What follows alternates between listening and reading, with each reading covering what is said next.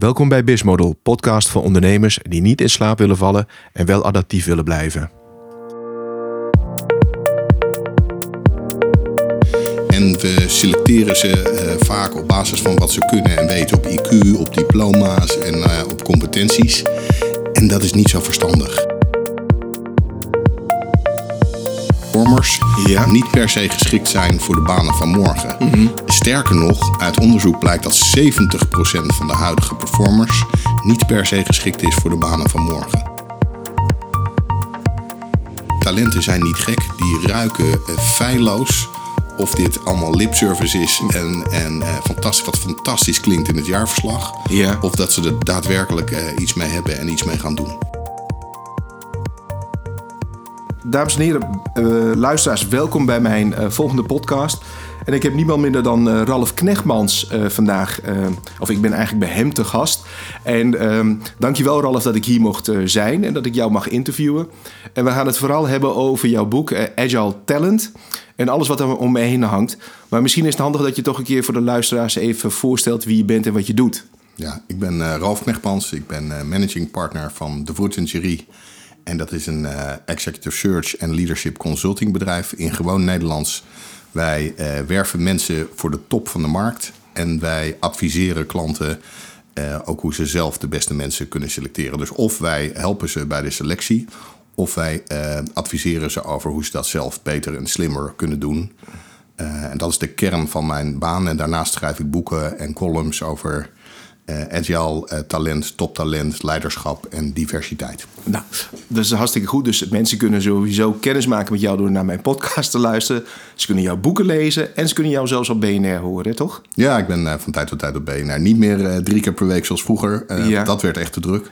Maar ik, ben nog steeds, ik heb nog steeds een band met BNR. En als het relevante thema's zijn langs de as van leiderschap en, en talent, en toptalent, dan, uh, dan ben ik graag de gast bij BNR. Oké, okay, hartstikke goed. voordat we verder gaan, ik had in mijn, een van mijn eerste podcasts bij Marianne Zwaagman, had, ik, had Marianne een prangende vraag voor jou. En daar gaan we nu even naar luisteren als luisteraars, dus dat hoor je nu. En dan komen we er even zo op terug. Maar heb jij een prangende innovatievraag die ik bij mijn volgende gast kan neerleggen?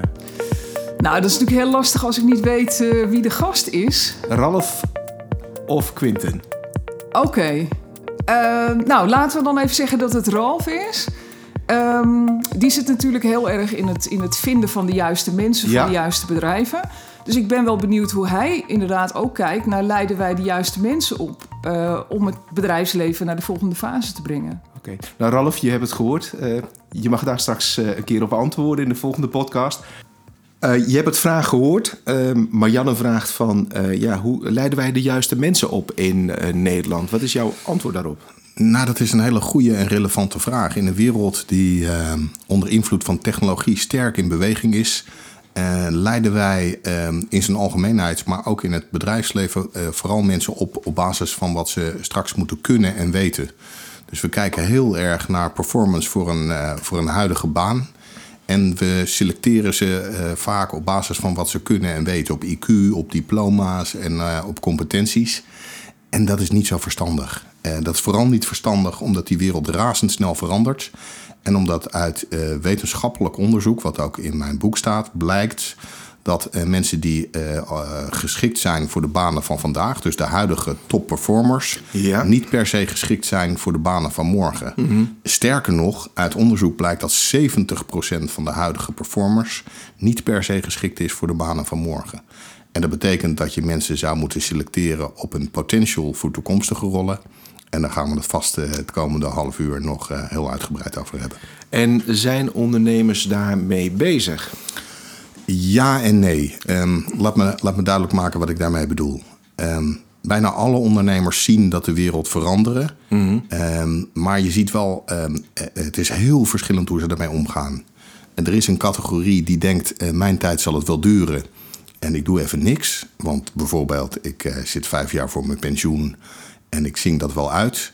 Uh, er is een categorie die denkt: ik verdien hartstikke goed, dus wie maakt mij wat? Mm -hmm. uh, maar helaas blijkt uit onderzoek dat het feit dat je het vandaag heel goed doet en heel goed verdient, wil niet zeggen uh, dat er niet allerlei disruptors op de loer liggen die je businessmodel morgen of overmorgen keihard aanvallen en je totaal redundant, oftewel overbodig maken.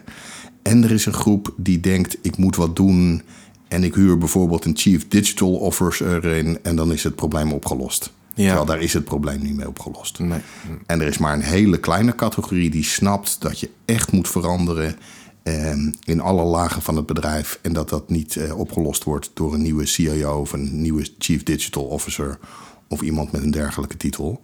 Eh, maar dat je als managementteam en als directie, maar ook als de, de managers daaronder echt met innovatie en uh, verandering aan de slag moet. Nou, het is leuk dat je dat zegt, want ik heb in mijn vorige podcast met Saskia Nijs er ook over gehad. Zij heeft ook columns geschreven voor FD en werkt bij Philips. En wat je vaak ziet op het moment dat ze zo'n iemand uh, aanstellen, dan kijkt het hele bedrijf naar zo'n persoon van, nou, jij gaat het toch doen? Dat was toch de afspraak? Ja. Maar terwijl de mensen zelf op de werkvloer ook een enorme bijdrage moeten leveren.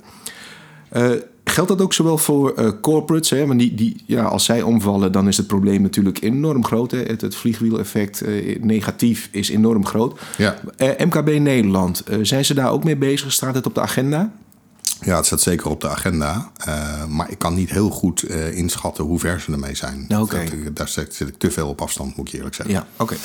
Hoe, hoe agile en adaptief is Ralf zelf eigenlijk? Ja, dat is altijd een goede vraag. Hè? Ik, ik ben geneigd uh, om te denken dat ik best wel vrij adaptief ben, omdat ik me voortdurend, datgene wat ik in mijn boek schrijf, dat je jezelf uit je comfortzone moet halen en voortdurend jezelf opnieuw uit moet vinden, dat, dat ben ik wel echt serieus mee bezig. Ik had een generalistisch bureau uh, wat uh, in de top van de markt in allerlei domeinen actief was. Nou, ik, ik werf nog steeds van de directeur van poptempels tot private equity tot uh, het bedrijfsleven. Maar inmiddels heb ik dat bureau wel geherpositioneerd. En mm. is een van onze specialismen, excuus, is digital and innovation. Dus ik heb dat bureau helemaal veranderd. Eh, en in mijn dagelijks leven eh, ben ik mezelf ook eh, voortdurend uit de comfortzone aan het halen. Tien jaar geleden had ik nog nooit een boek geschreven. toen dacht ik, dat is een diep gekoesterde wens. Dat is nog niet zo eenvoudig als de meeste mensen denken. toen ben ik boeken in het Nederlands gaan schrijven. Daarna ben ik boeken en columns in het Engels gaan schrijven. Nu worden mijn boeken in het Chinees, het Pools en het Hindi vertaald binnenkort. Uh, ik heb mezelf op het persoonlijke vlak uh, steeds opnieuw uitgevonden door nieuwe talen te leren, zoals Spaans. Door met mijn studerende zoon op een late leeftijd op karate te gaan. Ja. Uh, dus eigenlijk probeer ik steeds dingen te doen die ver buiten mijn comfortzone liggen. En ja, ik vind dat een ander moet bepalen hoe adaptief ik ben. Maar ik ben er wel heel, heel bewust mee bezig. Nou, wat ik, wat ik eigenlijk zo hoor is eigenlijk... als je in het Engels zeggen ze heel mooi... if you want to innovate, you have to kill your cash cow, hè? En um, wat ik bij bedrijven gemerkt heb, grote bedrijven. Ik zeg altijd, als je eenmaal verslaafd bent aan die, aan die vaste omzetstroom... en dat wordt het een cocaïne binnen je bedrijf. Het wordt, ja, uh, Je, bent in één keer lid van een kartel waar je helemaal niet lid van wilt zijn. Nee. En, en dan vinden ze het in één keer verdomd lastig om te veranderen... want dan lukt het ze dat niet meer, omdat ze zo... dat werkt zo verslavend. Ja, nou, het is ook ingewikkeld. Hè? Ik, ik neem altijd het voorbeeld, als je in de uitgeverijsector werkt... dan... Uh, dan verdiende je jarenlang geen penny aan uh, online. Ja. En het geld kwam van print. Maar als je niet in online investeerde, ja, dan eh, was je gewoon te laat en dan ging je eraan. En ik hoorde pas geleden uh, commissaris Dirk Haak van Elsevier Science. Die is onder andere commissaris bij, uh, bij TomTom. Tom. En die hoorde ik zeggen van... ja, we hebben voor Teleatlas eigenlijk veel te veel uh, betaald. Maar als TomTom Tom dat niet gekocht had, hadden ze dan nu niet meer bestaan. Ja, Weet je, dus dat zijn die voorbeelden. Ja. Ehm, dus inderdaad, je moet uh, niet alleen maar je pijlen richten op de dingen waar je heel veel geld aan verdient. Uh, wij hebben bijvoorbeeld naast Executive Search, wat nog steeds de moneymaker is, een palet aan leadership consulting diensten uh, opgetuigd. Mm -hmm. Daar verdien je moneywise echt veel minder aan dan aan search. En toch vind ik dat je dat moet doen voor de wereld van morgen. Omdat ja. dat traditionele search zal op termijn eindig zijn. Ja, en als je dan kijkt naar traditionele search en een nieuwe search, hè, ik denk dat de AI een rol daarin gaat spelen. Hè? Zeker. Um, maar hoe trek je nou adaptief talent, hè, als je terug gaat naar de basis, hoe trek je nou, uh, hoe, hoe vind je u, überhaupt adaptief of agile talent? Hè? In HBR of Harvard Business Review schreven ze uh, ja, curiosity. Ja is ontzettend belangrijk aan het worden. Een van de drie eigenschappen die ik opgeschreven had. Ja, en dat is... Dat is ja, je moet nieuwsgierig zijn. Maar hoe vind je nou zo'n talent die nieuwsgierig is? En een ander uh, probleem lijkt mij... als iemand echt nieuwsgierig is, eh, wil die dan wel voor zo'n groot bedrijf blijven of kunnen werken? Weet je, op een gegeven moment, als de vleugels gaan uitslaan, dan heb je toch een uitdaging. Nou, het, het, antwoord op het eerste deel van je vraag is dat je mensen niet moet selecteren of casten op wat ze kunnen en weten, maar op wie ze zijn en wat ze drijft. Ja. En, en onderdeel van die drijfveer en die persoonlijkheid is nieuwsgierigheid en leervermogen en aanpassingsvermogen. Dus je moet ze eh, niet meer alleen maar selecteren op die diploma's en wat ze kunnen. Maar vooral op die eigenschappen waar je er net eh, zelf net een hele belangrijke noemde: nieuwsgierigheid, eh, aanpassingsvermogen en leervermogen. Dat kun je gewoon meten overigens. Ja. Dus daar kun je gewoon mensen op selecteren. En ja, willen nieuwsgierige mensen bij een groot bedrijf werken? Nou, dat hangt er vanaf. Weet je, als je pak bijvoorbeeld een bedrijf zoals ASML, waar er heel veel in research en development geïnvesteerd wordt. En waar duizenden double graduates werken die de hele dag fascinerende nieuwe dingen doen. Mhm. Daar willen uh, dit soort mensen best werken. Maar als je deze categorie traditionele dingen laat doen en je daagt ze niet uit. Ja, dan zijn ze vertrokken voordat ze gekomen zijn, bij wijze van spreken. Ja, dus daar, daar moet je echt wel heel goed faciliteren. Ja. En, de randvoorwaarden creëren waarbinnen zij het leuk hebben en uitgedaagd worden. Ja, maar anders gaat het, uh, hou je ze niet lang vast. Dan hou je ze niet lang vast. Dan heb je een, een, vermogen uitgegeven om ze te werven. Ja. En dan, uh, dan ben je ze in no time weer, uh, ben je ze weer kwijt. Ja. Ralf, je snijdt nog een heel belangrijk onderwerp aan. Hè, van hoe kun je nou die agile talenten, die hebben een bepaald het doel waarom ze ergens aan willen werken. En, hoe, ja, en, en een bedrijf heeft ook natuurlijk een bepaald doel. Hè? Hoe kun je dat nou met elkaar goed verweven, dat, ze, dat, dat, dat die elkaar vinden? Want dan, dat is volgens mij een enorme kunst om ze te behouden dan. Hè? Ja. ja, een van de manieren om, uh, om de retentie of het behoud van die agile talenten uh, te bewerkstelligen is door uh, hun individuele drijfveer. Ik zei straks al, je moet die mensen niet alleen selecteren op wat ze kunnen en weten, yeah. maar vooral ook wat ze drijft en wie ze zijn. En als je nou hun individuele drijfveren richt naar de purpose van het bedrijf, het overall doel, het purpose van het bedrijf, dan zul je zien dat die retentie eigenlijk niet zo heel moeilijk meer is. Als je die twee kunt afstemmen op elkaar, dan is het eigenlijk bijna een koud kunstje. Ja, uh, dat is wel grappig dat je dat zegt. Want uh, René Boenders, uh, die schrijft er ook in zijn generatie Z heel duidelijk over. Hè? Dat is een generatie die zoekt heel duidelijk naar van... ja, waar, waar zijn jullie nou als bedrijf mee bezig? Welk maatschappelijk nut en doel streven ja. jullie nou na? Ja. En als het in hun ogen onzin is, dan willen ze helemaal niet bij jou komen. Ze willen helemaal niks van je kopen. Nee. En dan zeggen ze ook van de tabé mensen. Dan laten ze je links liggen en dan gaan ja. ze naar de volgende werkgever. En het is niet zo dat ze geen geld willen verdienen. Dat is niet zo. Uh, maar dat, dat geld is een soort van hygiënefactor voor ze. En ze zullen de uiteindelijke selectie maken op basis van moeilijke puzzeltjes, op maatschappelijke thema's en die purpose okay. samengevat. Uh, Nederland is natuurlijk een heel groot MKB, heeft een heel groot MKB-motor. Ja. Je zei net van ja, uh, ik heb daar niet heel veel ervaring mee. Nou, dat gemiddeld bij MKB, hoe ver MKB Nederland gemiddeld ja, is, dat, dat, ik zie wel hele goede voorbeelden ah, van okay. ondernemers die ja. wel ver mee zijn. Oké, okay, dus je ziet wel zowel op corporate als op MKB-niveau die ze toch daar goed voor inzetten. Kijk, ondernemers zijn, zijn om in, de, in het jargon van Menno Lanting te spreken, speedbootjes. Dus als die, ja. die zijn vrij gericht op de buitenwereld, by nature zou ik bijna zeggen. En die kunnen vrij snel schakelen. Dat zie Ja. ik in mijn bedrijf ook. Als ik morgen mensen wil testen op learning agility, op leervermogen, dan besluiten we dat en de volgende maand doen we dat. Ja. Voor een grote corporate is dat veel en veel lastiger. Ja, ja herkenbaar hoor. Het is mij niet onbekend.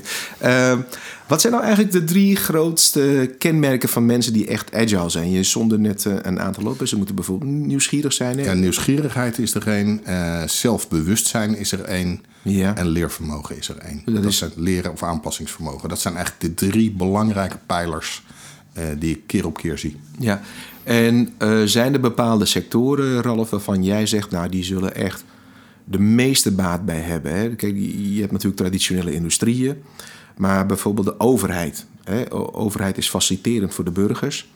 Eh, maar zijn er bijvoorbeeld industrieën die, waarvan je zegt, ja, die, die zouden daar veel meer mee moeten doen in jouw optiek? Nou, dat is misschien niet helemaal een antwoord op je vraag. Maar wat mij bijvoorbeeld fascineerde, is dat ik zag dat eh, binnen banking dit een vrij goed land. Eh, ik heb voor mijn laatste boek Agile Talent eh, onder andere de ING eh, eh, bekeken en een aantal hoofdrolspelers eh, geïnterviewd. En wat mij opviel is dat, eh, dat Agile werken daar buitengewoon goed land.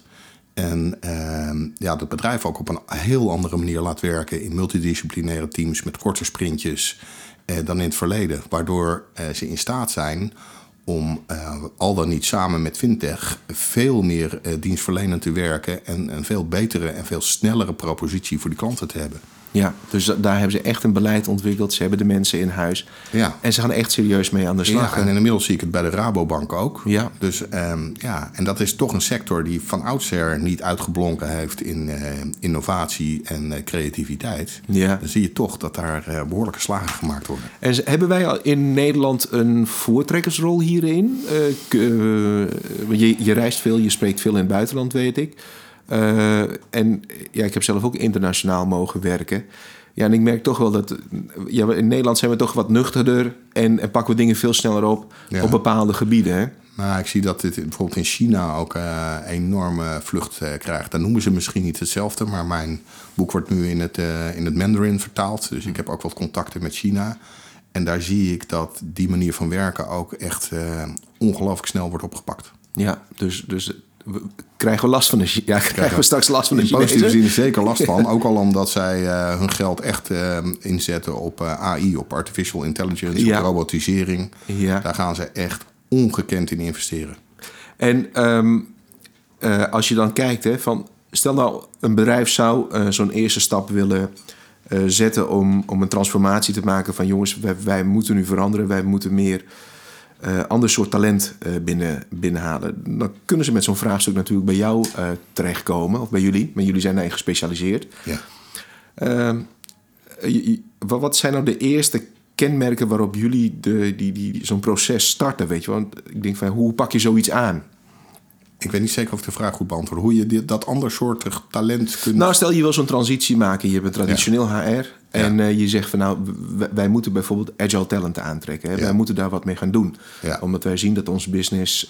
Uh, oh, zo wil je de vraag. Ja. ik zou willen weten waarom ze dat willen. Ja. Dat zou ik willen, want je, je moet altijd goed begrijpen wat het doel daarmee is. Ja. En wat ik ook zou willen weten, hoe serieus is de top hiermee? Ja. Het begint al bij de top en dat zit hem niet in lipservice. Nee. Dus als die top zegt, we willen dat graag, maar ik voel het niet, dan moet je er niet aan beginnen. Nee, je vraagt ook dus altijd commitment vanuit de C-level. Zeker. Mannen, vrouwen, Zeker. we willen de commitment hebben. Het is net als met diversiteit. Als er geen buy-in is van de top, kun je het net zo goed niet doen. Als het een ja. HR-dingetje is, om het op, op een populaire, manier te verwoorden, dan moet je er niet aan beginnen. Ja.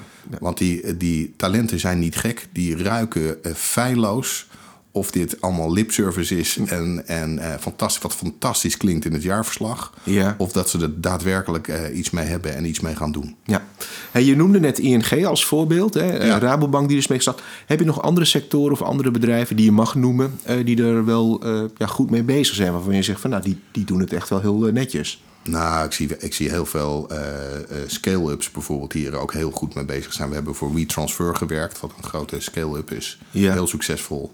En dat soort bedrijven zijn hier ook ontzettend uh, mee bezig. Maar daar zit het eigenlijk al ja, vrij diep in de genen om op die manier te werken. Ja, ja, die zijn het al gewend. Die hebben het vanaf basis al meegekregen. Ja, dus die, die hebben geen erfenis. Zozeer, nee, die hebben geen, geen erfenis. Die hebben gewoon de hele omslag nooit moeten maken. Die zijn from, from scratch daarmee begonnen. Ja, en je noemde net dat als je agile talent uh, binnenhaalt... dat je uh, het heel goed moet faciliteren... en dat je ook zeker op, op factoren als uh, door kunnen leren... door kunnen ontwikkelen... heel goed moet faciliteren. Uh, heb je ook in je proces meegemaakt dat, uh, dat bedrijven toch weer in een ja, traditionele valkuil vallen, waardoor de mensen dan op een gegeven moment zeggen: van, jongens, dit uh, tabé, ik stop ermee, ik ga weg? Ja, want dit, dit zijn geen processen die bedrijven overnight realiseren. Mm. Dit is met volle, vallen en opstaan. Mm-hmm. Dus ik heb dat zeker meegemaakt. En ik heb ook wel eens gezien dat bij een managementwissel het volgende management er niet zoveel mee had en het weer eigenlijk terug naar af was. Ja, en zeg je daar ook mee, Ralf, dat als bedrijven zo'n slag niet maken. Uh, dat ze het eigenlijk wel heel erg lastig gaan krijgen. Omdat A, we hebben al een arbeids... Uh, uh, of een tekort op de arbeidsmarkt. Hè. We, er zijn niet zoveel mensen meer. de economie en de technologie met name gaat ontzettend hard. Nou, er zijn niet zoveel mensen meer omdat we vrij traditioneel selecteren. Ja. Want als je de, de guts zou hebben, de moed zou hebben, het lef zou hebben om te selecteren op wat mensen beweegt op hun drijfveren en op hun persoonskenmerken en op hun geschiktheid voor toekomstige rollen, dan zul je zien dat er een heel andere categorie uh, mensen uh, beschikbaar is en dat die pool niet per se zo klein is. In het laatste hoofdstuk van mijn boek over the future of search wordt er een Chinees bedrijf genoemd wat op basis van algoritmes mensen ja. selecteert. Ja. En het fascinerende hiervan is, ze hadden een uh, groep geselecteerd. Dit was voor L'Oréal, een fast-moving bedrijf, wat we vrij goed kennen, de meeste van ons. En die had eerst uh, mensen laten selecteren door recruiters, mm -hmm. die natuurlijk selecteerden op cv, diploma's en ervaring. En vervolgens hadden ze de computer laten selecteren op algoritmes. En wat zo'n computer doet, um, en dat is niet helemaal nieuw, alleen het is nu geautomatiseerd. Uh, ze kijken naar wat mensen uh, zeggen en hoe ze het zeggen. Dus wat je zegt en hoe je het zegt. En uh, dan vergelijken ze een groep van matige leiders met gemiddelde leiders, met uitstekende leiders. En ze kijken wat de uh, overeenkomstigheden zijn van die groep. Oh ja, okay. En dat betekent dat um, leiders op basis van wat ze zeggen en hoe ze het zeggen, je uitspraken kunt doen over hun geschiktheid voor een bepaalde baan en in een bepaalde context. Ja. En dat is zeker nog niet uh, perfect. Ik vergelijk het met uh, zelfrijdende auto's. Het is niet perfect, maar het is nu al beter dan de gemiddelde automobilist. Ja. Dus het is nog niet perfect, ja. maar uit die test bleek dat het ja. al beter is dan een gemiddelde junior recruiter. En dan zie je dus dat er heel andere mensen uh, uit die selectie komen uh, door die algoritmes. Dus aan de ene kant is er een enorme krapte op de arbeidsmarkt. Dat kan ik niet ontkennen. Aan de andere kant is mijn stellige overtuiging uh, daarover dat dat vooral ook komt omdat we allemaal in hetzelfde vijvertje zitten te vissen. Eh, waarvan vaak de voorspelbaarheid van toekomstig succes niet eens zo hoog is. Selecteren op cv's bijvoorbeeld heeft een aantoonbaar, wetenschappelijk aantoonbaar, lage voorspelbaarheid van toekomstig succes van de kandidaat. Dat is eigenlijk best wel eng, hè? Als je en dat... toch doen we het allemaal. Ja, ja, ja, dat is toch. Je zou bijna zeggen, dat is bijna een kuddegedrag dat mensen dat, dat toch blijven zeker, doen, hè? Dat is kuddegedrag, maar dat komt ook omdat het, de selectie op basis van cv's, dat is het makkelijkst. Ja. Je kan heel makkelijk uh, checken of jij diploma's hebt, uh, wat je vorige werkgevers was, waren. Uh, terwijl als ik jouw drijfveren moet ontrafelen, dat is veel ingewikkelder. Ja, ja, ja. Maar het feit dat het ingewikkelder is, maakt het niet minder relevant. Nou, het geeft ook meteen aan of een bedrijf of een afdeling of een persoon die daarvoor verantwoordelijk is, zelf ook wel een beetje disruptief is of niet. Dat die andere wegen bewandelt of niet. Ja. Dat, dat is een stukje DNA van iemand, maar ook van een bedrijf. Of je dat uh, anders wilt aanpakken. Dus dat zegt wel heel veel. Uh, uh... En daar heb ik ook geprobeerd. Je, je stelde me straks de vraag: in hoeverre heb je jezelf aangepast? Door die boeken heb ik meer kennis gekregen van dat vak. Door al die mensen te mogen interviewen. Ja. Wetenschappers, practice leaders, CEO's, commissarissen. En daardoor heb ik gewoon ingezien dat we ook binnen mijn bedrijf, de Fruit Ingerie, steeds een slag moeten maken. En steeds, terwijl het nog steeds geen 100% is, maar steeds beter moeten worden aan de hand van allerlei nieuwe tools en selectiemethoden om de voorspelbaarheid van succes van kandidaten bij opdrachtgevers te vergroten. Zijn jullie zelf bezig met uh, AI? Ja, zeker. Daar, daar, kijken we met grote belangstelling naar. Ja, en hoe ver zijn jullie als ik vragen mag? Nou, dat is in een, in een pril stadium dat we kijken of we met data scientists uh, in staat zijn om, uh, om voorspellingen te doen. Mhm. Daarnaast zetten we leervermogen scans in. Dat doen we via een, een Learning Agility tool, een externe en gevalideerde test. Dus op die manier uh, voegen we steeds nieuwe uh, selectietools en methoden toe aan het palet wat we al hebben. Oké. Hey, en denk je dat het ooit zo ver gaat komen dat als Amazon, uh, Google en de Chinezen uiteraard, en, en, de Indiërs en de Amerikanen, die zijn er wel heel erg mee bezig, dat je op een gegeven moment tegen een Alexa of Google kunt zeggen van joh zoek voor mij de, de juiste persoon. En dat, dat zij zelfs zo ver komen dat ze dat. Want zij beschikken natuurlijk over heel veel data van ja. personen en mensen, dat ze dat kunnen. Op korte termijn denk ik dat de menselijke interventie relevant is als die, als die persoon maar echt verstand heeft van het vak. Ja. Op de langere termijn zou het best eens kunnen dat je een heel groot deel van dit werk, uh, en dat vinden wij een enge gedachte, door Ja. algoritmes of, uh, of dat soort uh, zaken kunt laten doen. Ja. Ik denk de komende 10, 15 jaar zullen mensen altijd nog wel een, een rol kunnen hebben in dat proces. In mijn laatste boek noem ik negen stappen in de selectie van agile talent. Nou, ik denk dat je nu uh, uh, vrij comfortabel kunt, kan zeggen dat de computer er twee kan doen van die negen. Ja. En dat zou mij niet verbazen als de komende tien jaar het er opeens zeven van de negen zijn of zes van de negen. Ja. Maar alle negen op korte termijn uh, denk ik niet. Nee. Zeker niet als je echt verstand van je, van je beroep hebt. En je bent in staat om uh, ook wetenschappelijke uh, zaken onder de loep te nemen. Hè. Dat je kijkt naar onderzoek wat er gedaan is. Onder andere door Smit en Hunter die gekeken hebben naar de voorspelbaarheid van selectietools. Geïsoleerd bezien, maar ook in combinatie bezien. Als je dat soort kennis onder de, de loep neemt en je wil daar iets mee doen en je bent in staat om steeds meer tools aan je selectierepertoire toe te voegen, dan denk ik dat je sowieso de trait d'union, de tussenschakel kunt zijn tussen die tools en de eindklant. Ja, ja, ja. en over je nieuwe boek gesproken, heb je al een titel of is dat nog... Nee, ik heb nog geen titel. Ik heb wel een onderwerp. Het gaat over leiderschap in een digitaal tijdperk. Ja. Want dat gaat ook veranderen. Ja. Dat, ja, ik ben een heel nieuwsgierig mens, dus dat fascineert mij zelf ook ontzettend. Ja. ik ben nog niet eens halverwege. Ik heb net een uitgever gekozen en teken morgen een contract hier op kantoor. Ja. En, en ik doe dat voor het eerst met een co-auteur. Ik heb al die eerdere boeken allemaal zelf geschreven. Maar mede door die boeken heb ik het zo druk gekregen dat ik het nu met iemand samen ga schrijven. Mhm. Een innovatiedeskundige overigens. Een vrouw, Ilva Poelman. En uh, nou ja, dus dat is ook weer een, eh, een prachtige nieuwe kweeste of een nieuwe reis en zoektocht naar naar leiders in een digitaal tijdperk. Nou, het is al heel veel boek, uh, bloed, zweet en tranen, heb ik van je begrepen, een boek schrijven. Maar heb je voor jezelf een doel wanneer het gepubliceerd uh, zal zijn? Nee, ik heb daar het fijne van uh, succesvol eerdere boeken geschreven hebben, is dat je steeds makkelijker met uitgevers kunt onderhandelen.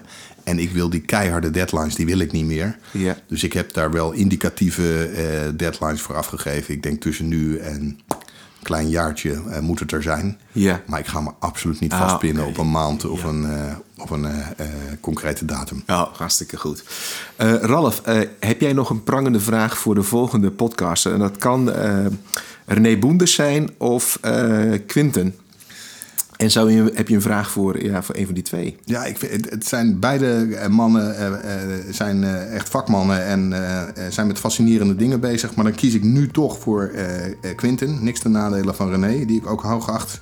Is maar de vraag aan Quinten is: wat kunnen corporates um, vooral leren van de start-up en scale-ups die jij begeleidt? Of waarin je investeert op het concrete vlak van innovatie? Oké. Okay.